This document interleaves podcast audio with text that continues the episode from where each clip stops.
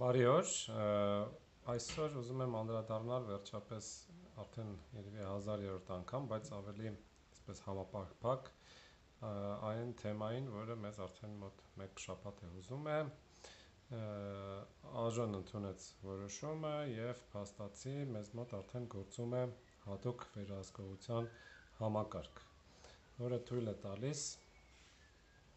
հետևել մարդկանց շարժին, հասկանալ թե ով ում հետ կարող է շփվել, վարակել եւ այլն։ Եկեք հասկանանք, թե այս համակարգը որքանով է լավը կամ վատը, տեսականորեն, որտեղ իր աշխատանքը մենք դեռ չգիտենք, եւ որն են ամբողջական հնարավոր վտանգները եւ ինչ այս ամենի հետ անել։ Առաջինը հասկանանք, թե ինչի համար է սա պետք։ Եթե նայենք աշխարհում կա մի քանի մոտեցում այսօր կորոնավիրուսի տարածման հետ կապված։ Մեկը դա չինականն է, որը տոտալ վերահսկողություն է ենթադրում եւ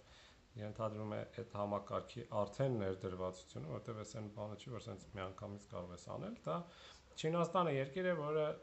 ունի ռեսուրս եւ ունի ողջ օրենսդրական եւ հասարակական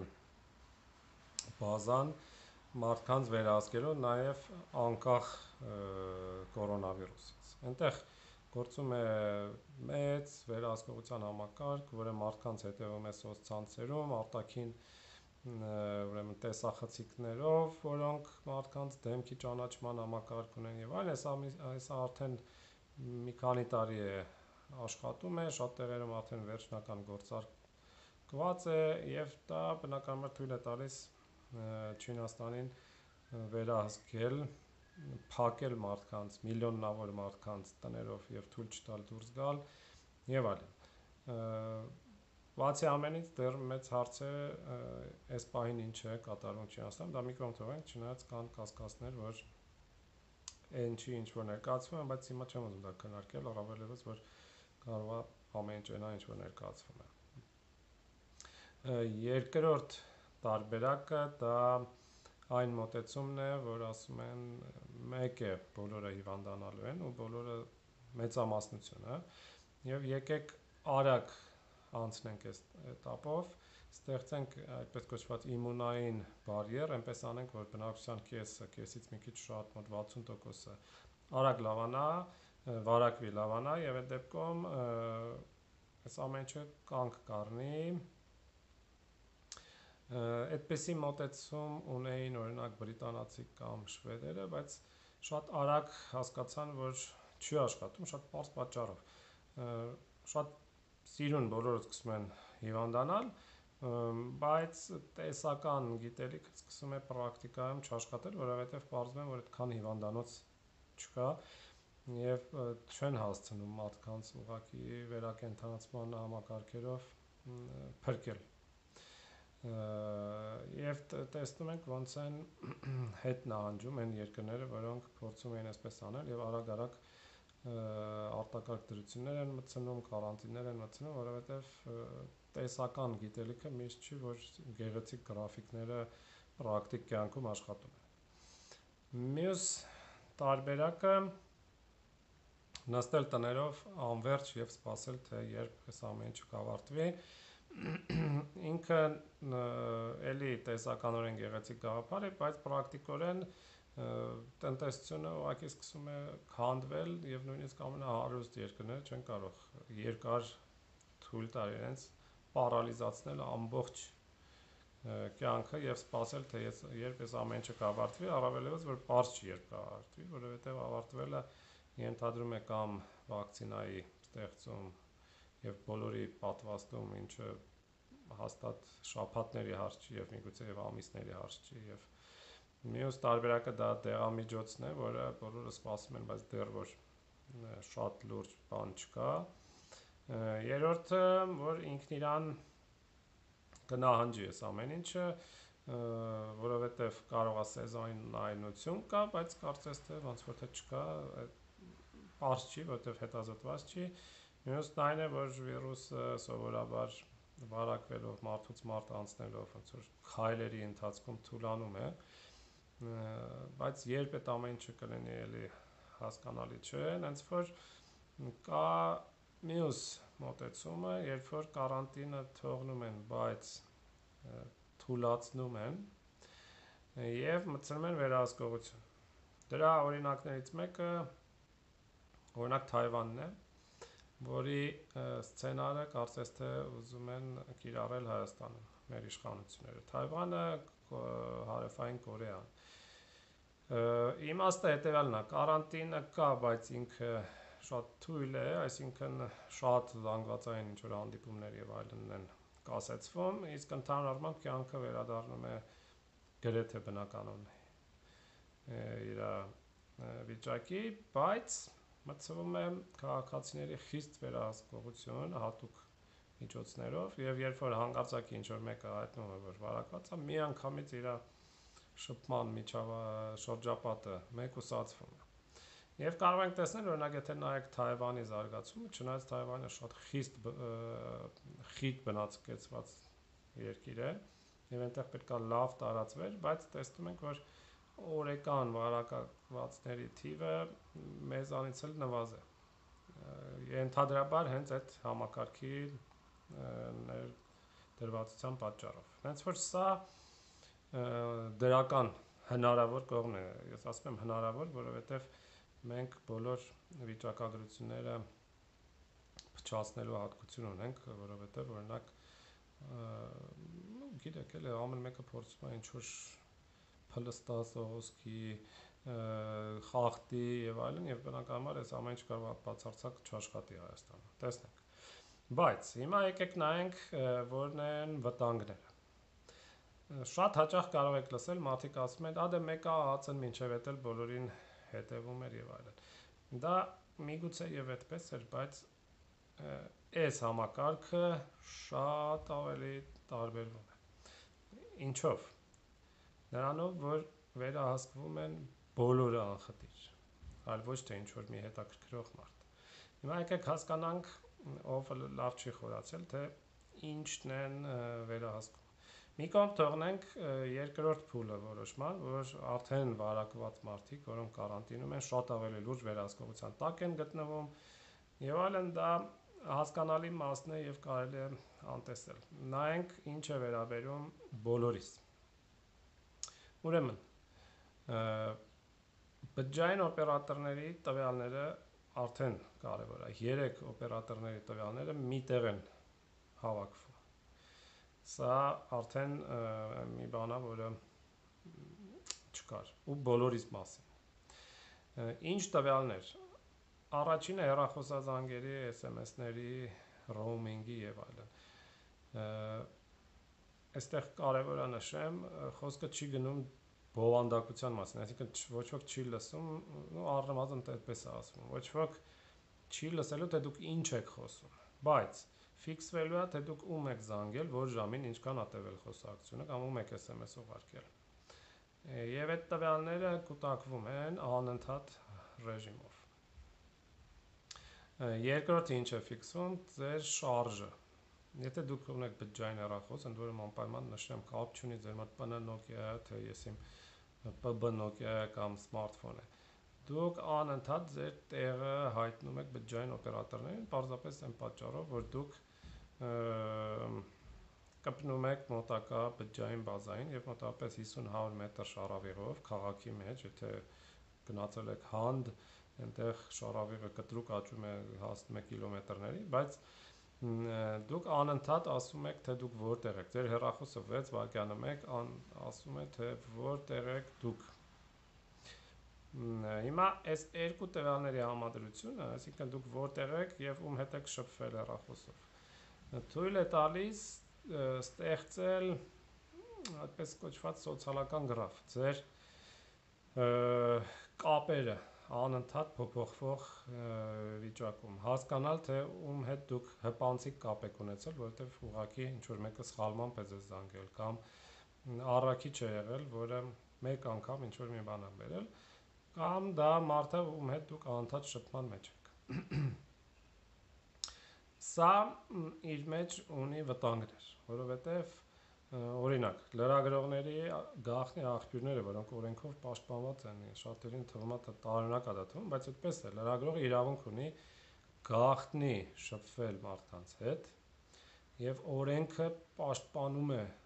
այդ գաղտնիությունը։ Հայաստանը այդ տեսանկյունից հարգում է լրագրողի աշխատանքը։ Ու եթե հիմա պատկերացրեք, որ լրագրողը ինչ որ մի մեկի հետ հանդիպում է ինչ որ մի նախարարությունից, որը բացահայտել է ինչ որ կոռուպցիոն գործարքներ, հա, այս կորոնավիրուսի խոճապի շղարշի տակ։ Ու տեսականորեն այդ աղբյուրը կարող է բացահայտվել եւ այդ նույն կոռումպացված чиновниկը կարող է իմանալ, որ իր դեմ դավեր են նյութվում։ Այսպեսի օրինակներ կարող եմ շատ բերել, կարևորը այն չի թե ինչ հնարավորություններ կան, հնարավորությունները շատ-շատ են։ Եթե դու բոլորի տվյալներն ես հավաքրում ու երկար ժամանակ է ընթացում, ինչքան ավելի ժամանակը երկարում այդքան ավելի հստակենում են կապերը, եթե դու միացրել ես տենց հատուկ համակարգ, որը ինչ որ արհեստական բանականության տարեր է պարունակում եւ կարողանում է գտնել կապեր, որոնք կարող անձեն աչքով չերևային։ Այս ամենը պետք է շատ հստակ վերահսկվի հանրության կողմից։ Ինչ պետք է լինի։ Կառավարությունը պետք է հստակեցնի թափանցիկորեն հայտնի ով է արտադրել սա արդյոք արտադրության մեջ կիրառվել են ինչ որ մոդուլներ, որոնք այլ երկրներից են օգտագործվում որովհետև հասկանում եք, չէ, որ եթե կիրառվում է երրորդ երկրի կողմի, օրինակ ծրագրային ապահովում կամ տեխնիկական ինչ որ հատված, կարող է այդ երկրի օրինակ հատուկ ծառայությունները պարզապես ստանան տվյալներ, որոնք չպետք է իրենք ստանային։ Օրինակ լրագրողներին մի կողմ թողնենք, բայց բոլոր զինվորականների շարժ օրվա ընթացքում, որ գեներալը ուր է գնում եւ այլն։ Պատկերացնում եք, չէ՞, ինչ տեսականորեն սա ինչ խնդրեմ կարող է տալ։ Երկրորդը պետք է շատ հստակ թափանցիկ լինի, թե ով մուտք ունի այս տվյալներին եւ ինչպես է ինքը դա օգտագործում, ինչպես են սահմանափակվում օգտագործումները, որպեսզի པարզ լինի, որ կառույցները մուտք ունեն, որոնք ոչ։ Երրորդը պետք է արվի անվտանգության աուդիտ պետք է հա-, համոզված լինենք, որ երրորդ կողմը վերաստուգել է համակարգը, որովհետև մենք մինչև այդ խոսում ենք ինչ որ չարաշահումների, որ կարող օրինակ ԱԱՑ-ի ինչ որ մի աշխատակից օգտագործել տվյալները։ Միգուցե, մենք չգիտենք, կարող է թե ոչ, մեզ չեն բացատրել։ Բայց կա երկրորդ խնդիրը, որ կարող է պարզապես արտահոսք լինի, օրինակ վատ պաշտպանված լինի։ Ես չեմ ուզում գլխանց նախորդ ինչ որ մարդկանց մեղադրել, բայց հապճեպ ստեղծված համակարգ է, արագ, սենց բաները բնականաբար 1-2 օրվա մեջ դժվար է անել լավ։ Ու պետք է համոզված լինել, որ պաշտպանված է, որովհետև պատկերացրեք, այս տվյալները մեկ էլ արտահոսք լինի, իսկ արտահոսքները շատ հաճախ են անում։ 10 օր առաջ Վրաստանի բոլոր բնակիչների անձնական տվյալների արտահոսք եղավ։ Ով ասեց, որ ստեղ չի կարող լինել։ Եվ կարևոր է, որպեսզի երրորդ կողմի հանրային վերահսկողություն լինի ընդհանուր գործունեությանը։ Համ հիմա, համ հետո, երբ որ այս համակարգը արդեն պետք չի լինի, արտակարգ դրությունը կդադարի գործել, պետք է համոզվել, որ անջատվել է եւ տվյալները ոչնչացվել են։ Ինչպես դա կարելի անել, այսօր այս պահին երևի թե միակ առողջ տարբերակը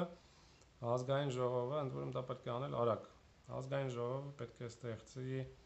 հանձնաժողով, որը կստանա բոլոր թույլտվությունները, բոլոր գաղտնի տվյալներին մուտք, parza որ իրենք էլ պետք է աշխատեն հնարավորինս գաղտնիությունը պահպանելով այն տեղերով, որտեղ պետք է, բայց պետք է ամբողջությամբ վերահսկեն։ Այդ հանձնաժողովը պետք է ներառի իր մեջ ընդդիմադիր կուսակցությունների ներկայացուցիչներին եւ կարծում եմ ավելի մեծ տոկոսով, քան հիմա իրենք ներկայացված են ԱԺՎ-ում, որովհետեւ Պարզ է, որ իմ քայլը չպետք է, իմ քայլի պատգամավորները չպետք է վերահսկեն իմ քայլի ներկայացուցիչներին կառավարությունում։ Դա այդքան էլ տրամաբանական չէ։ Պետք է ընդդիմությունը լավ ներկայացված լինի։ Բացի դրանից պետք է ներգրավեն մասնագետներ, որովհետև շատ ծիրուն կարելի է падգամավորներին ուրիշ բան ցույց տալ։ Եթե այնտեղ մասնագետներ չկան, կարելի է պարզապես չհասկանալ, թե ինչի հետ գործ ունես եւ որն են վտանգները։ Եվ անընդհատ պետք է թափանցիկորեն կառավարությունը մարդկանց ներկայացնի ինչպես է սա աշխատում, ոնց է, ինչ տվյալներ կան, ինչ է օգտագործվում եւ այլն։ Հասկանում եմ, որ ինչ որ տրամաբանական շրջանակներում, բայց սա չպետք է լինի այնպես, ինչպես հիմա է, այսինքն ընդունվեց օրենքը ու վերջ։ Մի շաբաթ անցել է, པարզ այդ համակարգը աշխատում է արդեն թե ոչ, ոնց է աշխատում, ով է ստեղծել, ով է վերահսկում, արդյոք ստեղծողը մենք հասկացանք, որ չէ, ստեղծողը մասնավոր ընկերություն է, որովհետև կառավարության վրա զրոյական ծախսով են ստեղ։ Շատ լավ է։ Բայց արդյոք այդ մասնավոր ընկերությունը մուտք ունի տվյալներին։ Եթե ունի, ո՞նց է սահմանափակվում, որպեսզի ինքը չկարողանա այդ տվյալները օգտագործել եւ այլն։ Այսինքն հարցերը շատ են, պատասխանները պետք է լինեն ել ավելի շատ, ընդ որում պատասխանները կառավարության կողմից պետք է լինեն այսպես ասած կանխարգելի չպետք է սпасեն, մենք հարցերը տանք, հետո իրենք պատասխանեն։ Իրենք պետք է մարդկանց բացատրեն ոնց է այս ամեն ինչը աշխատում, ոնց է վերահսկվում եւ որ պետք է շատ կարեւոր է որպեսի վստահություն ստեղծվի, որովհետեւ նորից կրկնեմ, ստեղծվել է համակարգ, որը հետևում է բոլորիս հասկանում եմ որ արվում է լավ նպատակներով, բայց մեկը բոլորիս վերահսկում են։ Իսկ դա դուրեկան բան չի այն երկրում, որտեղ ժողովրդավարական սկզբունքները կարծես թե առաջնային են։ Հենց որ հարգելի ԱԺ падգամավորներ, ոնց որ այն օրը իրիկունը հավաքվեցիք, արագ-արագ ընդունեցիք էս օրենքը, առաջարկում եմ նույնպես թափով հանձնաժողով ստեղծել թե չէ կորակ էլի կշարունակենք մնացեք մեզ հետ ցտեսություն